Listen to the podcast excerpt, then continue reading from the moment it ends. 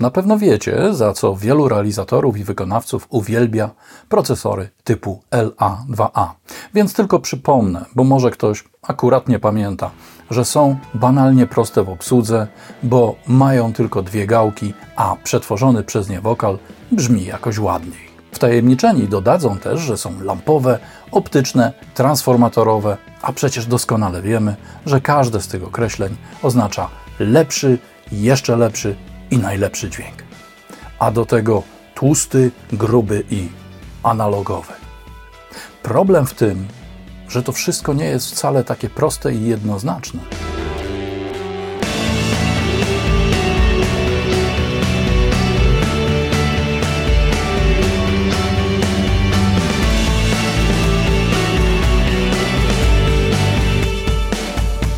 Tomasz Wróblewski, 0db.pl. Co tydzień znajdziesz tu nowe testy, porady i prezentacje z zakresu produkcji muzycznej i pro audio, a także dekonstrukcję znanych utworów.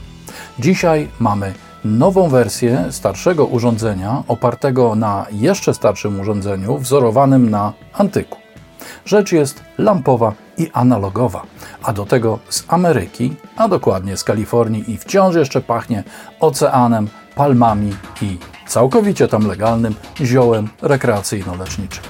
Zapraszam.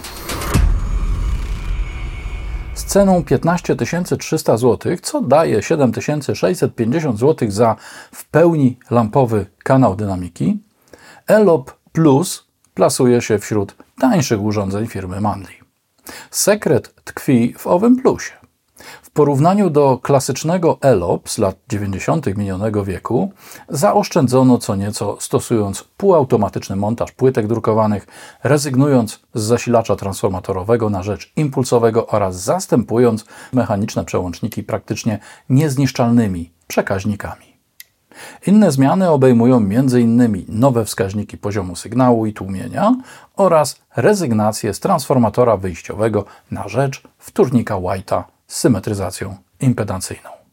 Znam niekiedy z imienia i nazwiska kilka osób, które na powyższe zmiany będą kręcić nosem, mówiąc, że to już nie to samo.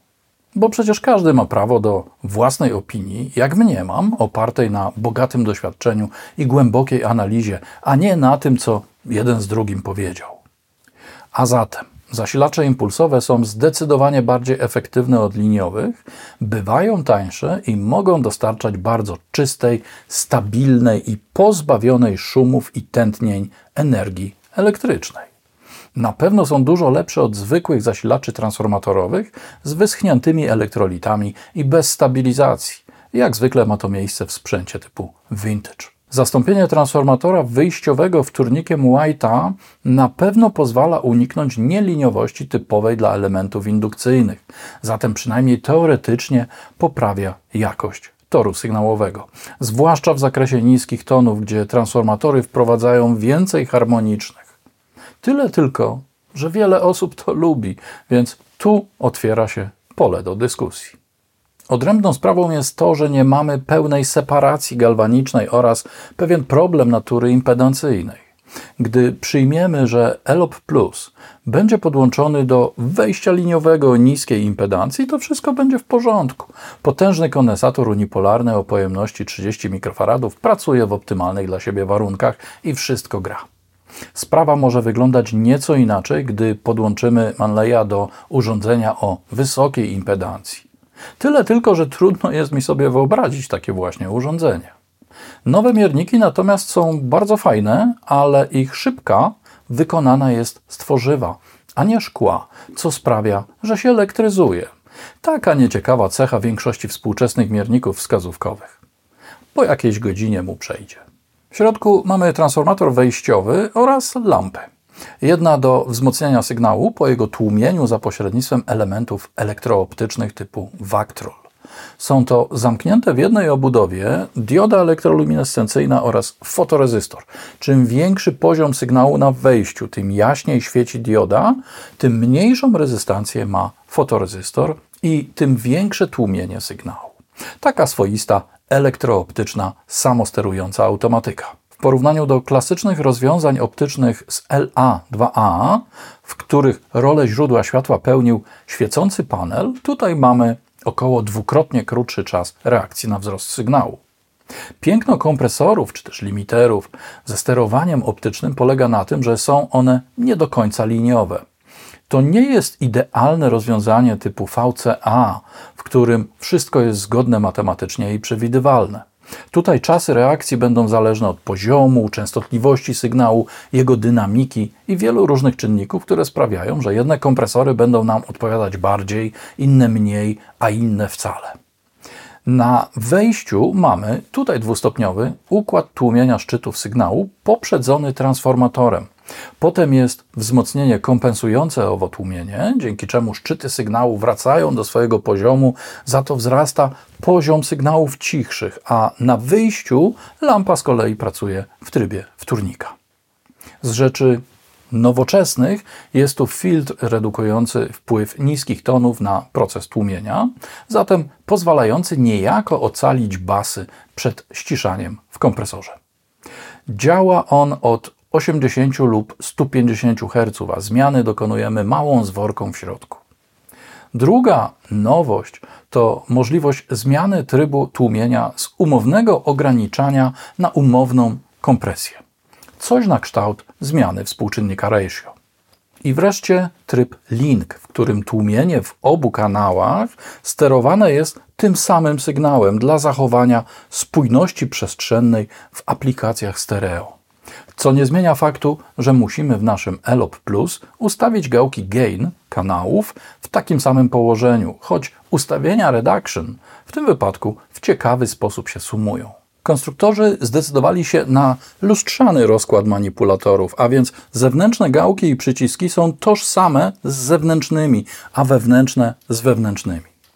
Tu są tylko dwa potencjometry, więc ryzyko pomyłki żadne, ale ja osobiście wolę ustawienie szeregowe, gdy kolejność jest zachowana, co z lewej to z lewej, a z prawej to z prawej. Ale tu już mój problem.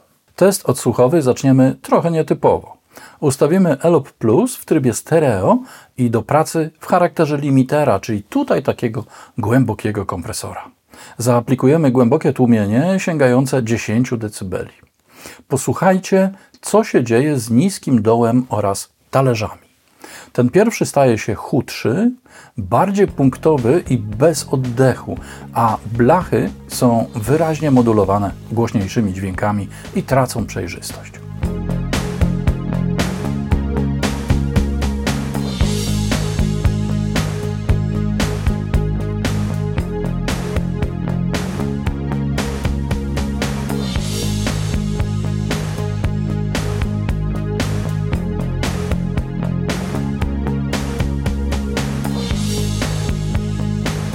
Ok, a teraz włączmy filtrację górnoprzepustową w torze kluczowania, zwracając uwagę na te same rzeczy.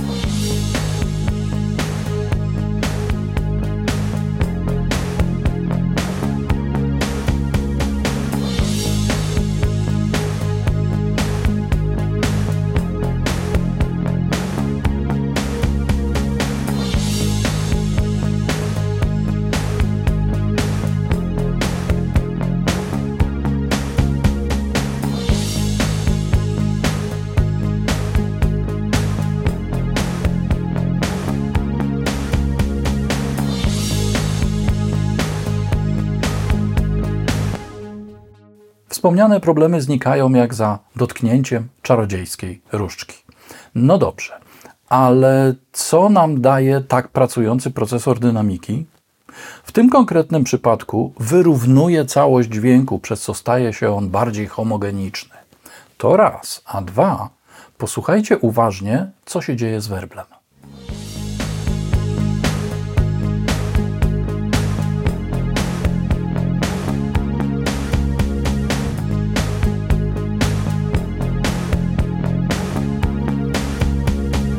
Takiego rozbrykanego, żywiołowego stał się bardziej ugrzeczniony. Pojawiło się w nim więcej środka, a wybrzmienie stało się dłuższe.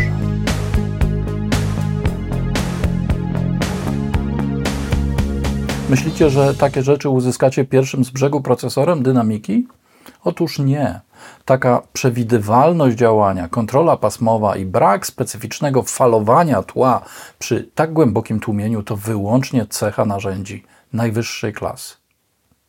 Teraz posłuchajmy różnicy w trybie pracy kompresora i limitera w porównaniu do sygnału czystego.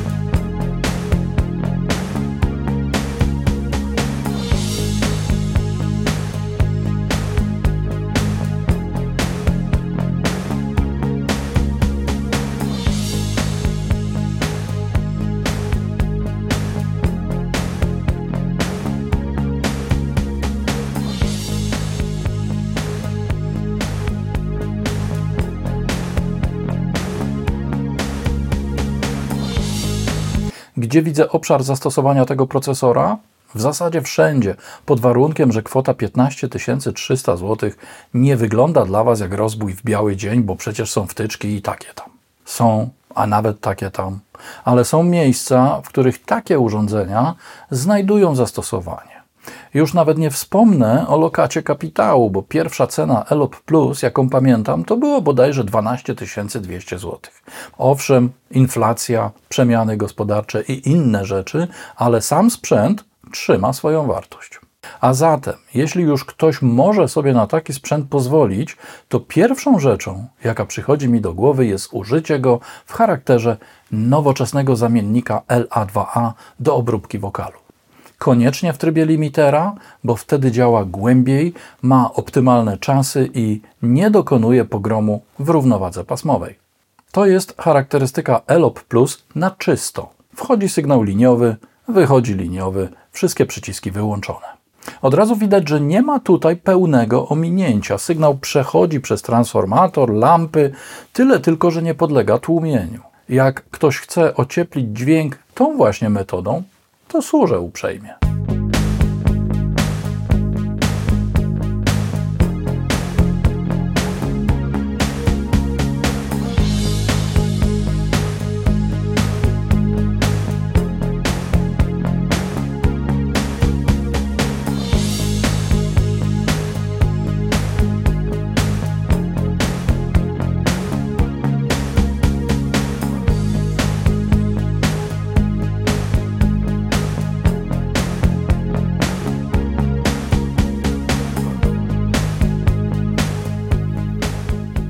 Jest nieco mniej basu i góry, dźwięk jest cieplejszy i bardziej zwarty. Jedni to lubią, inni niekoniecznie. A teraz limiter z tłumieniem 6 dB. Gładko jak stół, zniekształcenia harmoniczne dokładnie takie jak trzeba i subtelne podkreślenie najwyższej góry. Teraz to samo, ale z filtracją HPF. W zasadzie nic się nie zmieniło poza tym, że limiter nie reaguje na częstotliwości do około 150 Hz, co wynika z zastosowania filtracji. Niemniej góra nie ucierpiała nic a nic. Tak wygląda charakterystyka po kompresji aplikującej tłumienie 6 dB. Tu już widać pewną przebudowę struktury sonicznej i lekką przewagę dołu nad górą która w sposób oczywisty wzrośnie po włączeniu filtracji górnoprzepustowej. Jest zatem tak, jak wspomniałem, jeśli wokal to praca w trybie limitera. Będzie głęboka, szybka kontrola szczytów z jednoczesnym zachowaniem proporcji. Największy udział w paśmie wokalu mają tony niskie i średnie, więc po takiej obróbce stanie się on bardziej wyrazisty i lepiej ułoży się w miksie. A wobec tego po co nam kompresor? do podbarwiania sygnału na grupach, gdy zapragniemy dodać ciepełka, wypchnąć szczegóły do przodu i podkreślić prezencję. Oczywiście w trybie równoległym, zatem na wysyłce i najlepiej w konfiguracji analogowej. Taki ELOP Plus to jest trochę ekscentryczny zakup, nie przeczę. Ale jeśli już miałbym wydać ponad 20 tysięcy na współczesnego LA2A, to wolę kupić Manleya, który też jest lampowy, ale bardziej uniwersalny. ma dwa kanały i pracuje w trybie stereo. Nawet gdy poruszamy się w cenach z obszaru pięciocyfrowego, warto myśleć ekonomicznie, nie wspominając już o tym, aby trzymać się 0 dB. PL